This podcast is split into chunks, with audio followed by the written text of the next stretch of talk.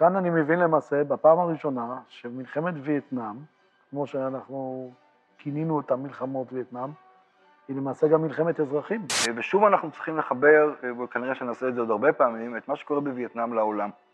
סוף שנות ה-50, נראה לאמריקאים שהם מפסידים במלחמה הקרה. קנדי מתחיל לבדוק מה הוא צריך לעשות כדי לנצח אה, את ההתקוממות הקומוניסטית ההולכת וגדלה. צבא דרום וייטנאם סופג אה, תבוסות, ההערכות היא שהוא מאבד בין גדוד לשני גדודים אה, בשבוע.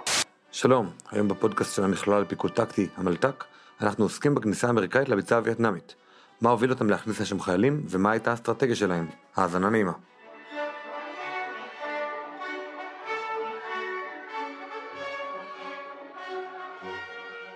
ערב טוב, אה, דוקטור טל טובי. ערב טוב.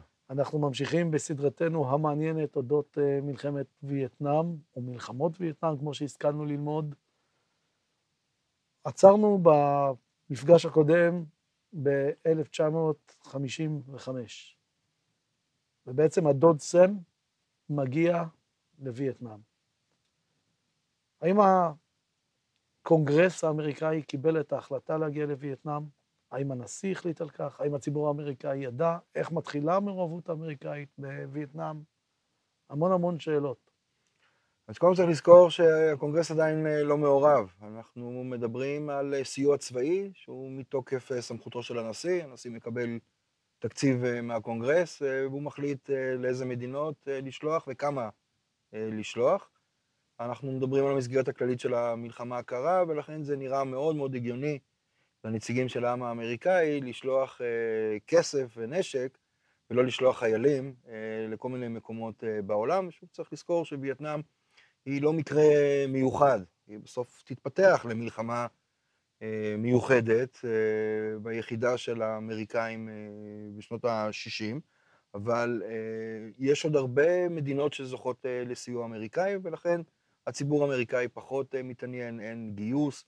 אין אה, שליחת אה, מסות של אה, חיילים, אנחנו מדברים תקופתו של אייזנהאואר, שאייזנהאואר שולח בסך הכל כמה מאות יועצים, קצינים ומש"קים שבאים לאמן את הצבא האמריקאי, את הצבא הדרום-וייטנאמי, לבנות לו חיל אוויר, לבנות לו מרינס, לבנות צי, כוחות מיוחדים, הכל לפי המודלים האמריקאים, וזה משהו שקורה בלי שצריך את האישור אה, הגורף אה, של הקונגרס. אין הכרזת מלחמה כרגע, אין מלחמה. אנחנו מדברים על תקופה של המחצית השנייה של שנות ה-50, תקופה שהיא לטנטית. השטח מתחיל לאט לאט לגעוש, צפון וייטנאם עסוקה בלשקם את עצמה מהמלחמה, עוד שימין מחכה ל-56 כדי לעשות את אותו משאל עם.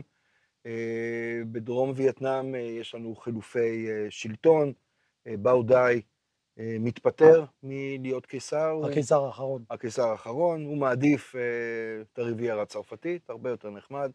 במקומו מתמנה ראש הממשלה שלו, אדם בשם דיאם, הוא הופך להיות מראש ממשלה לנשיא של דרום וייטנאם. הוא עסוק בלשקם את דרום וייטנאם, הוא קתולי, ששולט על רוב אה, בודהיסטי, אה, וזה יעשה עוד הרבה בעיות אה, לדרום וייטנאמים, ויכניס גם את האמריקאים. הרבה בעיות גם לאמריקאים. כן. הפעילות האנטי-בודהיסטית שלו תשנה את התפיסה האמריקאית כלפי השלטון שלו, וצריך לזכור, ומעניין לזכור, שאותו אדם שיביא אותו, ימליץ עליו בפני אייזנהאואר, סנאטור צעיר בשם ג'ון קנדי, הוא גם זה שיחליט אה, כמה שנים מאוחר יותר מה לעשות עם אותו אה, DM, והסוף של שניהם אה, לא יהיה כל כך מוצלח. DM אה, הוא הימור על הקלף הלא נכון? הוא ג'ומאייל הישראלי? לא, הוא הוצ'ימין לא, אה, לא קומוניסטי. הוא דמות אנטי-צרפתית בתפיסה שלו, בדיוק כמו אה, הוצ'ימין. הוא לאומן וייטנאמי בדיוק כמו הוצ'ימין.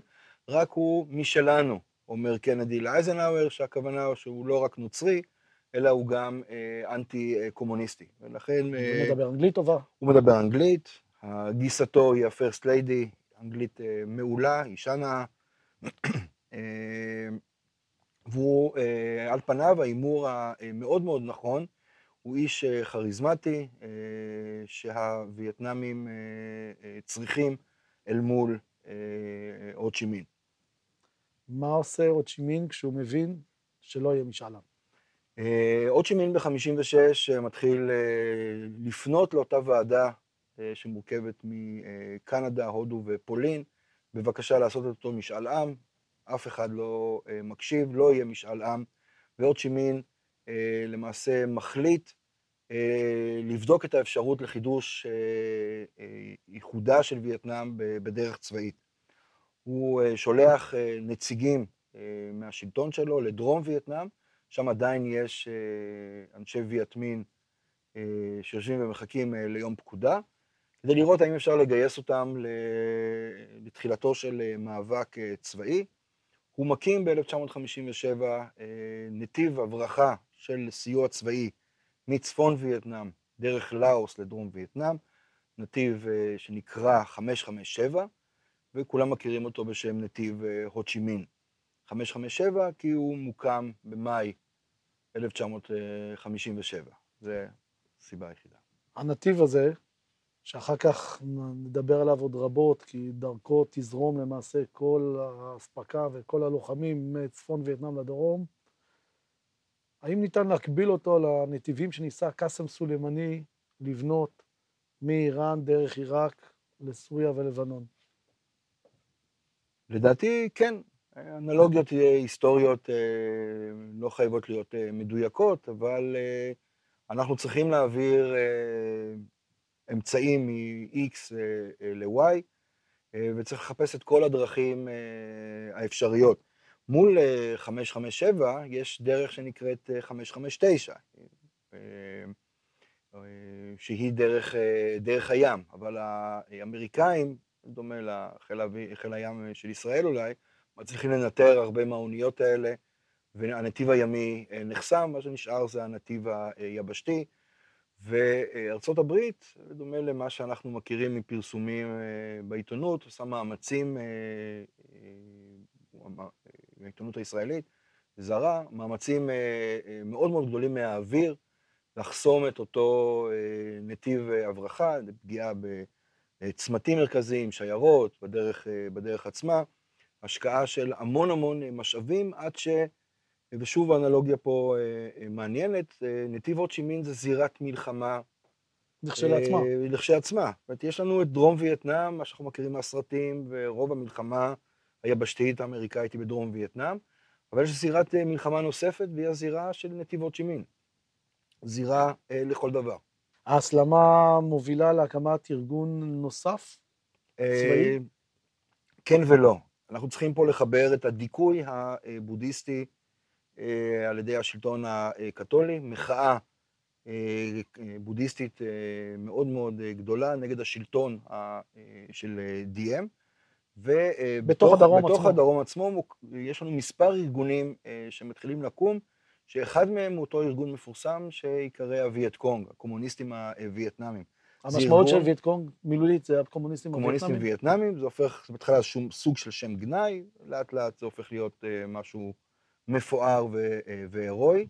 הווייטקונג הוא ארגון דרומי, צריכים לזכור שיש לנו אנשי וייט מין שמקבלים את ההוראות שלהם מצפון, ויש את הווייטקונג, שזה ארגון, התארגנויות מקומיות דרום וייטנמיות, שאומנם יקבלו סיוע ואמצעי לחימה מהצפון, אבל לא בהכרח כפופים פיקודית ופוליטית לצפון וייטנאם.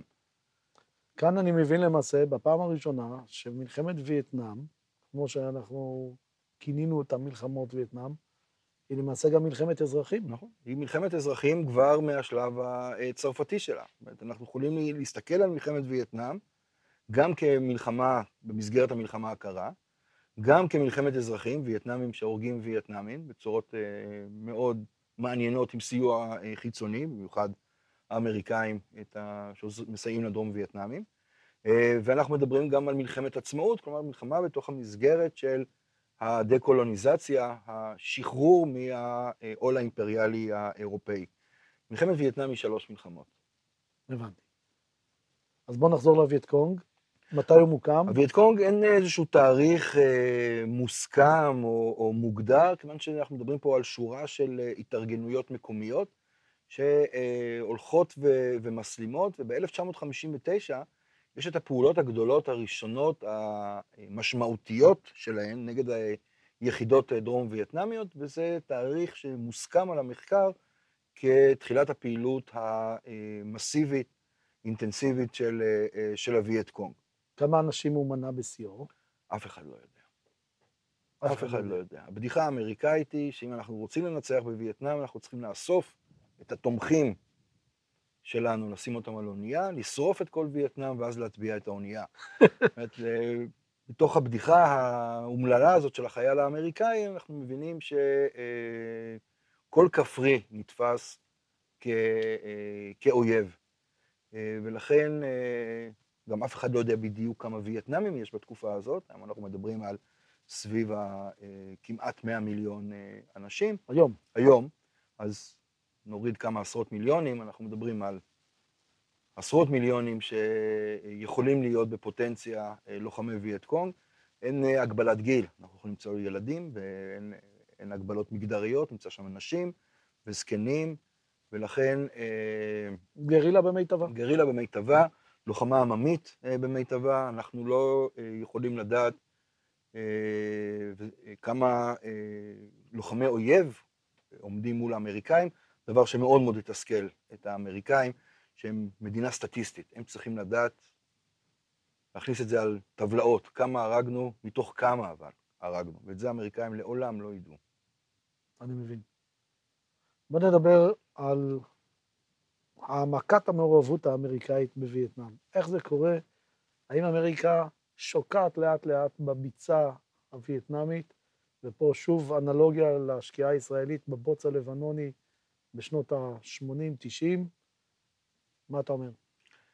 אה, אייזנהאואר לא רוצה מלחמה, אין בזה אה, שום ספק, אבל המצב הולך אה, ומחריף, ושוב אנחנו צריכים לחבר, וכנראה שנעשה את זה עוד הרבה פעמים, את מה שקורה בווייטנאם לעולם. סוף שנות ה-50, נראה לאמריקאים שהם מפסידים במלחמה הקרה. השיא הוא המהפכה הקומוניסטית בקובה. קובה, בחצי הכדור המערבי, אמריקה הלטינית. הבקיארד של כן, פלורידה. כניסה לסלון האמריקאי הופכת להיות קומוניסטית. הקומוניזם חצה את האוקיינוס האטלנטי. אנחנו מפסידים את המלחמה הקרה. אפריקה יותר ויותר פונה לסיוע לברית המועצות. מדינות אפריקה לא הופכות להיות קומוניסטיות, אבל הן מבקשות סיוע קומוניסטי, מבחינת האמריקאים זה היינו הך. המזרח התיכון, המדינות הרדיקליות של המזרח התיכון, מצרים, סוריה, עיראק שעוזבת ברית מערבית ופונה אה, לברית המועצות בסיוע לנשק. אה, יותר ויותר אה, מדינות פונות לברית המועצות, אנחנו מפסידים את המלחמה הקרה. זה מה שאומר אייזנהאואר לקנדי, כשקנדי נכנס לבית הלבן ב-1961, 60 הוא מנצח בבחירות, הוא נשבע לנשיאות ב-61. קנדי למעשה מבין שהמקום היחידי שבו אני יכול להראות שאני, כאמריקאי, אה, מנהל מדיניות חוץ אגרסיבית, זה, אה, זה בווייטנאם. ולכן אה, קנדי מתחיל לבדוק מה הוא צריך לעשות כדי לנצח את ההתקוממות הקומוניסטית ההולכת וגדלה. מסמכים ב-60-61 של ה-CIA מצביעים על כך שיותר מ-40% מהאזור הכפרי הווייטנאמי נשלט על ידי קומוניסטים. שבדרום. בדרום וייטנאם, צפון וייטנאם כולה קומוניסטית כמובן. אה, ואנחנו אה, מאבדים אה, יותר ויותר שטחים, ב-60, 61, צבא דרום וייטנאם סופג תבוסות, ההערכות היא שהוא מאבד בין גדוד לשני גדודים בשבוע.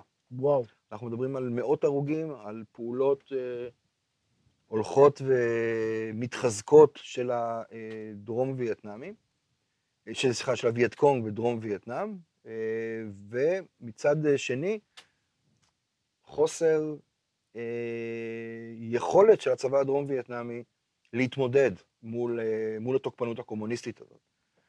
ופה יש לנו אירוע אה, קטן, שולי, שלמעשה הופך את כל הקערה ומשנה את המדיניות האמריקאית.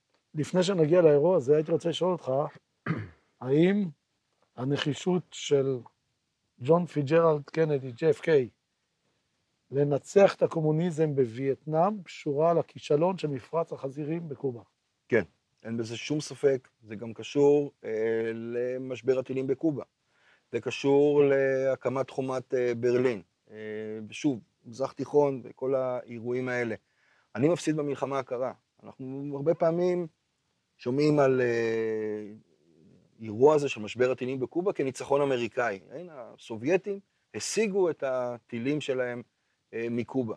אבל אנחנו צריכים לזכור שקנדי הבטיח לחורצ'וב להפסיק לנסות לחסל את קסטרו.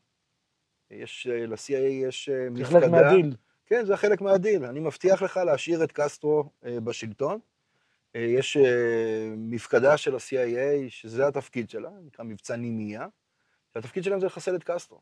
אה, סיגרים מורעלים וכל מיני פטנטים. פטנטים ופשע מאורגן וצלפים וכל מיני דברים מהסוג הזה. עשרות ניסיונות של ה-CIA לחסל את קסטרו, אחד השיאים זה באמת אה, תקרית מפרץ החזירים. ניסיון לפלוש לקובה על ידי גולים אה, קובאנים, וקנדי נכשל אה, גם פה וגם במשבר הטילים. זאת אומרת, חלש בקובה, חזק בווייטנאם? אני חייב להיות חזק בווייטנאם כדי להציג שאני עדיין עומד ונלחם מול הקומוניסטים, אחרי שלמעשה ביססתי את הקומוניזם ב... במערב האוקיינוס האטלנטי, בחצר האחורית של, אה, של ארה"ב. וזה בא לידי ביטוי ההתחזקות אה, בווייטנאם בשליחת אנשים אייזנהאואר מסיים את הכהונה שלו עם 900 יועצים בווייטנאם. בווייטנאם. שלוש שנים לאחר מכן, ערב אה, רציחתו של אה, קנדי, כבר יש לנו למעלה מ-16 אלף. וואו. ופה כבר הם מיועצים קצת עם מירכאות, כי יש לנו את ה-SMS-עוקים, ויש לנו חיילים אמריקאים שמובילים ומשתתפים כבר בקרבות. 62 מתחילים ההרוגים הראשונים האמריקאים. אה, מוקמת אה, מפקדה הרבה יותר אה, גדולה, נקראת מקווי, Assistant Command אה, וייטנאם, בראשות גנרל ארבעה כוכבים, דרגה אחת מעל רב אלוף, זה אומר, זה אומר משהו. אנחנו מדברים על יותר ויותר חיילים, יותר ויותר סיוע, וחשוב מכך, חיילים אמריקאים שמתחילים להיהרג בפעולות קרביות. לא פעולות אה, טרור וזריקת רימוני יד לברים שיושבים שם האמריקאים ושותים, אלא חיילים אמריקאים בשדה הקרב שנלחמים וגם אה, נפצעים ונהרגים. זאת אומרת שארצות הברית, באנלוגיה כפי ששאלתי קודם ללבנון, מוצאת את עצמה שוקעת לאט לאט בבוץ של שדות האורז הווייטנאמים, בלי שהתקבלה החלטה רשמית על כך. אין החלטה רשמית, אה, אלא מין אה, כיבוי אה, שריפה, ובואו ננסה את זה, זה לא עובד, ננסה אה, משהו אחר, נשלח עוד חיילים. קנדי שולח את היועצים שלו שיספרו לו מה קורה בווייטנאם, כל מיני המלצות. חלק מההמלצות זה להפציץ את צפון וייטנאם, או אפילו לפלוש לצפון וייטנאם. מקסוול טיילור? כן, מקסוול טיילור, רוצה להצניח לדיוויזיה שהוא פיקד עליה במלחמת העולם השנייה, על הנוי. כל מיני תרגילים ותוכניות, ובאמת איזשהו חוסר אה, יכולת ליצור איזושהי מדיניות אה, ברורה אה, כלפי וייטנאם, וצריך לזכור שמה שגם מפריע לאמריקאים זה מה שקורה בדרום וייטנאם עצמם, בלי שום קשר לקומוניסטים, ושוב המדיניות הקשה של דיאם כנגד הרוב הקתולי, הרוב הבודהיסטי שבמדינה שלו. הדבר הזה מביא לכך שיותר ויותר אה, כפריים מצטרפים לווייט קונג, למרות שהווייט קונג הוא ארגון אה, אה, קומוניסטי אתאיסטי, אבל הוא מבטיח להם להגן עליהם מפני השלטון ה, אה, של אה, דיאם. לא משנה עכשיו, אתה כן מאמין, לא מאמין, אתה בא להגן עלינו, אז אנחנו אה, נתמוך בך. בואו נדבר קצת על קרב אפ-באק, ומה הוא מסמל. קרב מתי הוא קורה? קטן, בשני לינואר אה, 63, היו כמוהו לא מעט. המודיעין האמריקאי מזהה איזושהי תחנת שידור ליד הכפר הקטן הזה, לא רחוק מסייגון, תחנת שידור של הווייטקונג. תחנת שידור של הווייט קונג, והיועץ האמריקאי אה, לכוח הדרום וייטנאמי שנמצא בסמוך, מציע לו תוכנית מאוד מאוד פשוטה של פטיש וסדן. אותו אה, קצין הוא סגן אלוף בשם ג'ון פול ואן, אה, עשו עליו סרט אה, מאוד מאוד אה, טוב, Bright Shining Lie. שקר מבריק. שקר אחד גדול. בוהק. שקר בוהק. אה, איש אה, מרתק, אה, הוא מציע תוכנית מאוד מאוד פשוטה, גדוד אה, עם נגמשים מסתער על התחנת שידור, מסוקים הנחיתו אה, חיילים בעורף של התחנת שידור, כלומר מי שווייטקונג שיברח מההסתערות, ייתקל במארבים ויחוסל. כל הכוח שאמור לנחות מהמסוקים או להגיע בנגמשים, זה חיילים דרום וייטנאמים. כל החיילים דרום וייטנאמים, כמה חיילים אמריקאים כיועצים. בסופו של היום התחנה נכבשת, לא מוצאים אף הרוג אה, של הווייטקונג, למרות שמוצאים סימני דם, עם כמעט 100 הרוגים אה, דרום וייטנאמים. וואו. כישלון מוחלט. כישלון מוחלט, למרות שהתחנה נכבשה, אה, מפקד הכוחות האמריקאים אומר, השגנו ניצחון, אבל ג'ון, בול, ג'ון פול ואן כותב דוח שמחלחל יותר ויותר לפנטגון, דוח מאוד מאוד חתרני, שאומר, הצבא הדרום וייטנאמי זה כוח לא יעיל, המפקדים מושחתים, לא יודעים לפקד, רק אנחנו האמריקאים יכולים אה, לנצח את המלחמה, כלומר, צריך אמריקניזציה. אנחנו צריכים להתחיל לנהל את המלחמה. זאת אומרת, צריך עוד לשלוח מאמריקה עוד ועוד חיילים, חיילים, כדי שיהיו יעילים וינצחו את הווייטקונג. המלחמה צריכה להיות עכשיו, צריכה להתנהל עכשיו על ידי האמריקאים. הקרב באבק הוא אחד מקרבות המפנה של מלחמת וייטנאם, נדבר על עוד כמה בהמשך. הקרב הזה מביא את האמריקאים להבין שדיים הוא לא הדמות הנכונה ברמה הפוליטית, וברמה הצבאית צריך צבא אחר, הצבא הזה זה הצבא האמריקאי. אז אני אסיים בשאלה אחת, אחרונה, לפרק הזה. האם יש אסטרטגיה צבאית בשלב הזה לאמריקאים, איך לנצח את המלחמה? אין להם שום אסטרטגיה. שום אסטרטגיה. שום אסטרטגיה. כרגע, אה, קנדי גם עדיין לא יודע להחליט מה הוא אה, בדיוק רוצה, אנחנו צריכים לחבר את זה גם לרצח שלו, ולנסות אולי בפגישה הבאה לראות איך הרצח שלו קשור אה, למלחמת וייטנאם או להגברת המעורבות האמריקאית בווייטנאם. אני מודה לך מאוד. תודה וערב טוב. תודה שהאזנתם לפרק, מוזמנים לשתף אותו, נתראה בפרק הבא של פודקאסט המלת"ק.